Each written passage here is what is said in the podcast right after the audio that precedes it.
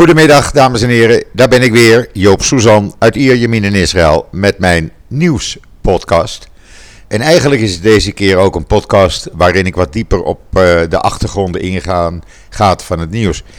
Um, eerst maar eens even het weer. Nou, het is gewoon, uh, ja, het wordt een beetje eenzijdig. Blauwe lucht, lekker weer, zo'n 4, 25 graden. Uh, het weekend, wat morgen begint, of vanavond begint eigenlijk hier in Israël, zoals u weet. Ook heerlijk weer, goed strandweer. En langzamerhand gaan we in uh, ja, de komende week, tweede helft komende week, zien dat we weer een hittegolf krijgen. Zo rond de 30, 31 graden. Maar goed, dat is pas over een week. Nu is het lekker weer. Uh, T-shirtje, korte broek. Het is, ja deze maanden vind ik altijd de mooiste maanden van het jaar. Uh, het is lekker weer, het is niet te heet, de lucht is fris. Uh, juli, augustus vooral, met een risico van over de 40 graden. Dat hoeft voor mij nou ook weer niet. Maar ja, we moeten er even doorheen dan. Maar we genieten hier van deze periode. Heerlijk voorjaar. Jammer dat u niet kunt komen, maar wie weet kan dat binnenkort. En dan het nieuws. Nou, dat was even schrikken vannacht. Om een uur of uh, half twee eh, kwam er opeens een raket uit Syrië, een luchtafweerraket. Die kwam neer in een open veld bij Dimona, waar ook de kerncentrale was, of is. Nu is het niet zo dat er gericht daarop zou zijn geschoten. Volgens de IDF was het een raket die werd afgeschoten op uh, een Israëlisch vliegtuig, een straaljager, boven de Golan. De Syrische kant van de Golan.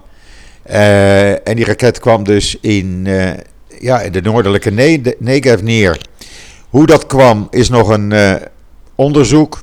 Daar is, ja, men weet dat niet. Hoe dat nou kwam. Hoe het, men weet ook namelijk niet hoe het kan dat de Israëlische luchtdefensie deze raket niet uit de lucht kon schieten. Het is wel geprobeerd, maar mislukt. Men heeft pa Patriot-raketten gebruikt. Uh, dat werkte niet, terwijl ze eigenlijk David Sling uh, daarvoor hebben. En de IDF wil nu kijken wat er fout is gegaan. Uh, meteen daarna heeft de IDF de batterij, de luchtdoelbatterij in Syrië, waar deze raket eh, vandaan werd geschoten, onschadelijk gemaakt. Er zijn een aantal gewonden gevallen volgens de Syrische media. Eh, maar daar is het even bij gebleven. Maar het is natuurlijk uh, ja, toch even schrikken, om het zo maar eens te noemen. Uh, je verwacht het niet, uh, maar het gebeurt. Het was trouwens een in Rusland gemaakte raket. Een grondluchtraket uh, met een uh, kernkop kan hij hebben van 200 kilo. De raket is de Russische SA-5. weegt enkele duizenden kilo's. Brokstukken daarvan kwamen in een zwembad terecht in de buurt van Dimona. ja, dat moet dus even schoongemaakt worden. En dan gisteravond. Ja, het was een beetje ja, ik weet het niet, hysterisch. Tragisch ook misschien. In ieder geval, Bennett had aangekondigd dat hij een uh, toespraak op televisie zou houden. Nou, dat wordt dan op alle drie de netten uitgezonden. En eigenlijk, uh, het enige wat, wat Bennett zei, hij was in, nou, ik denk vijf minuten was het klaar. Uh, zegt hij, nou, als Likud en Netanyahu falen in uh, hun missie om een regering uh, tot stand te brengen, dan uh, ga ik het doen. En dan word ik wel premier. en ja, dat was eigenlijk zijn boodschap. En wat gebeurde er? Prompt daarop kwam Netanyahu op televisie. Die had het even snel aangekondigd. Dat hij ook nog iets te zeggen had. En het was eigenlijk een beetje. Ja, het weet het niet wat ik ervan moet zeggen. Ik vond het ergens nog een beetje zielig. Het was ook weer fascinerend. Want voor het eerst zagen we een Netanyahu die woedend was. Die uh, ja, eigenlijk constant afdwaalde naar iets anders. En het had over uh, Bennett die een linkse regering gaat leiden. Nou, Bennett gaat helemaal geen linkse regering leiden.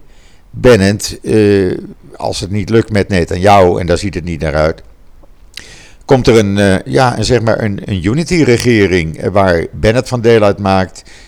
Gans met blauw en wit, Lapid maakt daar deel van uit. twee linkse partijtjes maken er deel van uit, maar ook Gideon Saar een rechtse partij, afgescheiden van de Likud, die maakt er ook deel van uit. En Lieberman. Dus links is het helemaal niet. Maar ja, we zijn het uh, al een beetje gewend van uh, Netanyahu. Als hij in paniek raakt, dan komen er allerlei verhalen uit zijn mond die, ja, die eigenlijk niet waar zijn, laat ik het maar zo zeggen, om het woord liegen niet te gebruiken. Hij uh, vertelde van nou, wij moeten maar naar een, een, nieuwe wet gaan. Die moet maar aangenomen worden. Waarin dan het premierschap gekozen wordt door de kiezers. En dan zullen jullie zien dat ik ga winnen. Want de meerderheid van de kiezers wil dat ik premier blijf. Nou, dat is helemaal nog niet zo zeker. En een nieuwe wet, ja, dat kan niet gemaakt worden. Want zoals u eerder van mij hoorde uh, de Likud heeft afgelopen maandagavond verloren in de Knesset. Zij konden geen meerderheid krijgen voor het, uh, de reglementencommissie op te zetten. Dat is nu in handen van uh, Yesatit, van de oppositiepartij, laat ik het maar zo zeggen. De voorzitter van die regelingencommissie is Mickey Zohar, een van de loopjongens van Netanyahu. Nou, dan moet er, uh, die commissie moet dan beslissen of de wet veranderd kan worden en er rechtstreekse verkiezingen voor premier kunnen worden gemaakt. Nou, dat gaat natuurlijk niet lukken, want de meerderheid is de oppositie in die commissie. Dus Netanyahu weet dat ook. Maar dan toch daarop hameren gisteravond op televisie en toch zeggen van ik ben de enige die het land kan leiden en ieder ander is links. Nou, Bennett is niet links. Bennett is misschien nog wel rechtser dan Netanyahu. Uh, ondertussen heeft de, de Likud gemerkt van nou, onze druk op uh, Bennett, dat lukt niet. Ze probeerden hem zwart te maken, maar Bennett doet het, die houdt zijn poot stijf. En ze hebben nu hun aandacht gericht op uh, Ayelet Shaket. Eh, de tweede eh, op de lijst in de partij van Bennett, Yamina. En roepen haar op: kom naar huis, kom naar de Likud. Nou, dat zal zij waarschijnlijk niet doen, want ze staat pal met, met Bennett. Uh, ze beloven haar van alles. Je mag minister van Justitie worden, je mag plaatsvervangend premier worden. Maar voorlopig heeft zij daar niet op gereageerd. ja, hoe nu verder? Nou, uh, Netanyahu heeft nog twaalf dagen. Hij moet uiterlijk 4 mei een regering samengesteld hebben. Dat gaat hem, zoals de zaken en de kaarten nu liggen, niet lukken. Uh, daarna kan de uh, president Rivlin, die kan dan beslissen of ik uh, benoem iemand anders. Dat zou Lapid kunnen zijn. Of ik stel iemand in de Knesset aan. Dan moet de Knesset maar besluiten wat voor regering er komt. Ik denk dat als Lapid met een goed plan komt, samen met Gans en Gideon Saar van de rechtse Nieuw Hoop partij, dat Rivlin zal zeggen: Oké jongens, dit ziet er goed uit. Stellen jullie maar een regering samen. Nou, daar is de afspraak dat uh, Bennett daar premier van zou mogen worden, ondanks dat hij maar zeven zetels heeft. Uh, het enige waar Bennett en Lapid het nog niet over eens zijn, is uh, wie de minister van Defensie zou moeten worden. Lapid wil dat Gans het wordt, Bennett wil iemand anders, maar waarschijnlijk komen ze daar wel uit.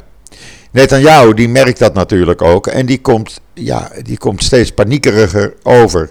Het zweet stond hem op zijn voorhoofd gisteravond. Hij was 20 minuten aan het woord en hij had het maar over uh, Bennett naar links. En kijk eens wat ik gedaan heb met uh, uh, de coronavirusvaccins. En ik heb er weer miljoenen besteld. En ik heb toch maar mooi gezorgd dat de werkloosheid van 25% naar 9% ging. Nou, dat is ook niet waar, want op de top in januari, begin februari, stond de werkloosheid op 18,4%. Ik heb het nog even nagezocht. Ja, er komen dus allerlei verhalen nu uit Netanyahu's mond. waarvan je kan zeggen: ja, man, je weet dat je verliest. Stop ermee. Het wordt zielig. Het wordt, uh, het wordt niet meer om aan te zien. Hij heeft in totaal 59 zetels in de Knesset. Ik heb het van de week al uitgelegd aan u. Hij moet er 61 hebben. Daar heeft hij een Arabische partij, de Ra'am-partij, voor nodig. Daar wil zijn uh, coalitiepartner Smotrich, die nog extreem rechtser is dan uh, rechts, die wil daar niets van weten. Die uh, scheldt die raampartij constant uit en hun leider. En dat gaat hem dus niet worden. Dat weet jou ook. Die heeft eigenlijk een verkeerde beslissing gedaan door uh, en zijn ultrarechtse partij met meneer Wier erin binnen te halen. Dat breekt hem nou, dat breekt hem op. En dat gaat dus niet meer lukken. Je hoort ook steeds vaker, ook binnen de Likud, nu mensen die zeggen van laat maar stoppen, laat maar in de oppositie gaan. Uh, dan zei het zo, het is niet anders. Ook een van de settlerleiders, die zijn heel belangrijk voor rechts, heeft uh, gisteren opgeroepen aan Netanyahu, stop ermee, erken je verlies, laat een ander de Likud leiden, dan kan het tenminste geregeerd worden. Want ook uh, Lapid en uh, Gideon Saar hebben gezegd, als er een andere leider is binnen de Likud dan Netanyahu, dan kunnen we daarmee samenwerken en dan kan er een regering van nationale eenheid komen. We zullen zien wat er gaat gebeuren. En dan even de COVID-cijfers. Nou ja, het effect van vaccineren, zoals ik het eh, op Twitter zei, het werkt. Gisteren werden er in uh, Israël 47.085 mensen getest op het virus. Er bleken er 92 positief te zijn, dat is 0,2% Er zijn nog slechts 1954 mensen die het virus onder zich hebben. Er liggen er 264 van in het ziekenhuis, voornamelijk jongeren. Daar zijn 103 van in kritieke toestand en 98 aan de beademing. Het dodental staat op 6346. Dat is, uh, ja, zijn gewoon goede cijfers. En ondanks dat heeft Amerika besloten Israël op uh, de lijst te zetten van 100 landen waar je niet naartoe moet reizen. En hoe kan dat nou? Vraagt iedereen zich af. Nou, heel simpel. Ze hebben voor het gemak de Westbank en Gaza maar bij Israël gerekend. Ja, en daar uh, is uh, het virus uh, lekker aan het voortwoekeren. Maar dat maakt voor die Amerikanen geen verschil. Als je naar Tel Aviv gaat, dan ben je dicht bij de Gaza en dicht bij de Westbank, denken ze. Nou, dan moet je daar niet naartoe gaan, want stel je voor, dan word je besmettelijk. Nou, een beetje raar verhaal. Maar goed, eh, tegenwoordig met meneer Biden. Ach, laat ik maar over ophouden. Gisteravond waren er weer rellen tussen Joodse jongeren en Arabische jongeren. Het zijn hoofdzakelijk eh, rechts, extreemrechtse Israëlische jongelui. Die komen uit het hele land vandaan.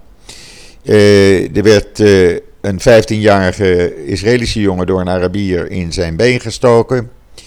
Uh, het is uh, relletijd, blijkbaar.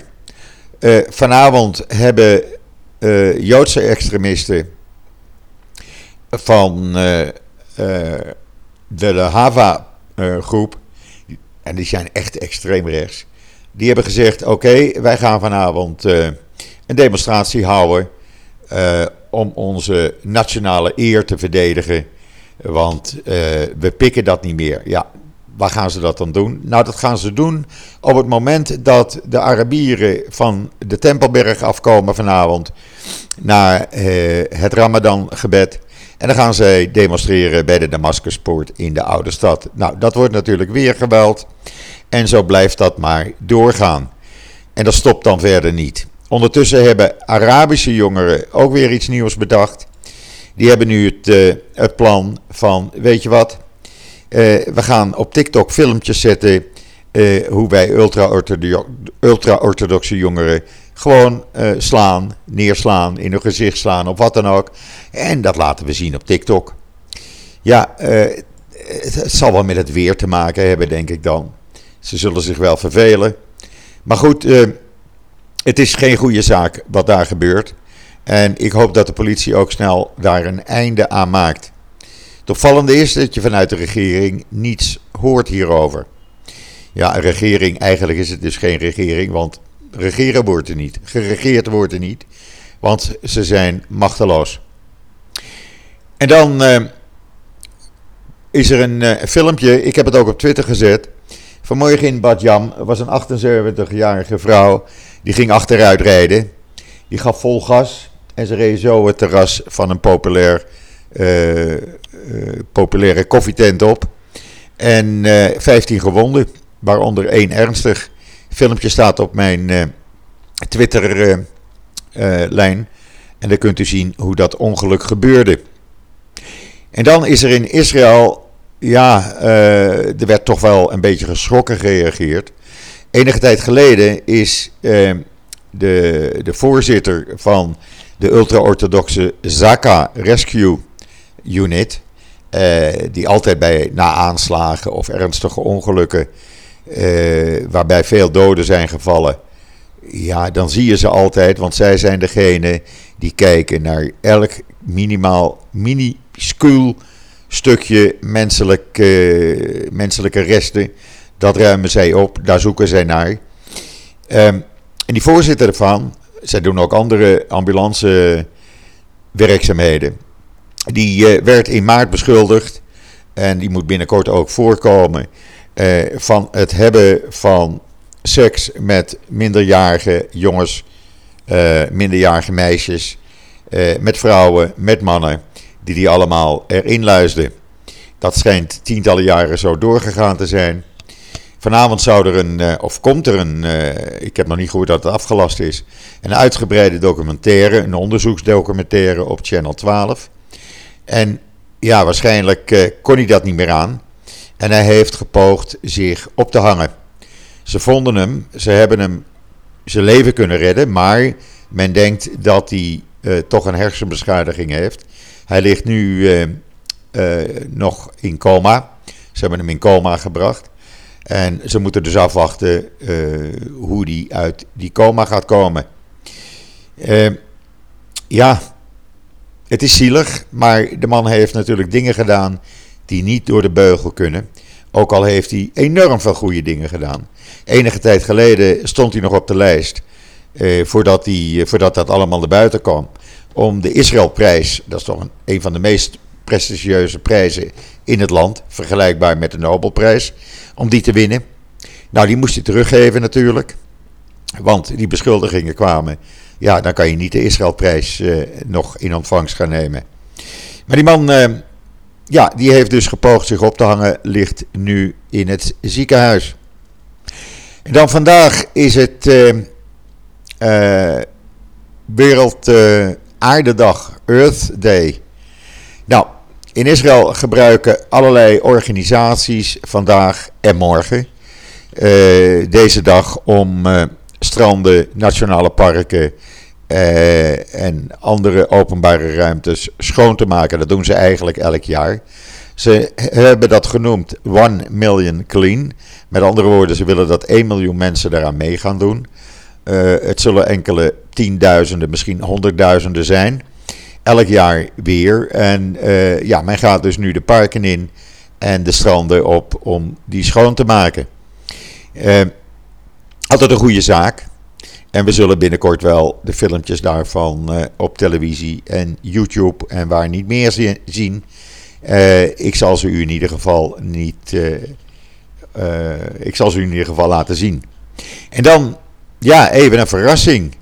Al een tijdje, al een jaar of drie, wil Turkije niet meer met Israël praten. Er is nog wel diplomatieke banden, maar goed, dat stelt weinig voor. Maar plotseling uh, was daar meneer Erdogan vanmorgen. En wat zei meneer Erdogan? Ik heb uh, de Israëlische minister van Energie, Yuval Steinitz, persoonlijk uitgenodigd om naar Turkije te komen. Om daar een conferentie die ik sponsor bij te wonen over energie. En dat is een beetje opvallend, want Turkije is ook het land wat constant tegen Israël uh, en Cyprus en Griekenland tekeer gaat over de aanleg van die uh, pijplijn naar Europa met gas vanuit Israël. Uh, dat wil hij niet, dat probeert hij tegen te gaan.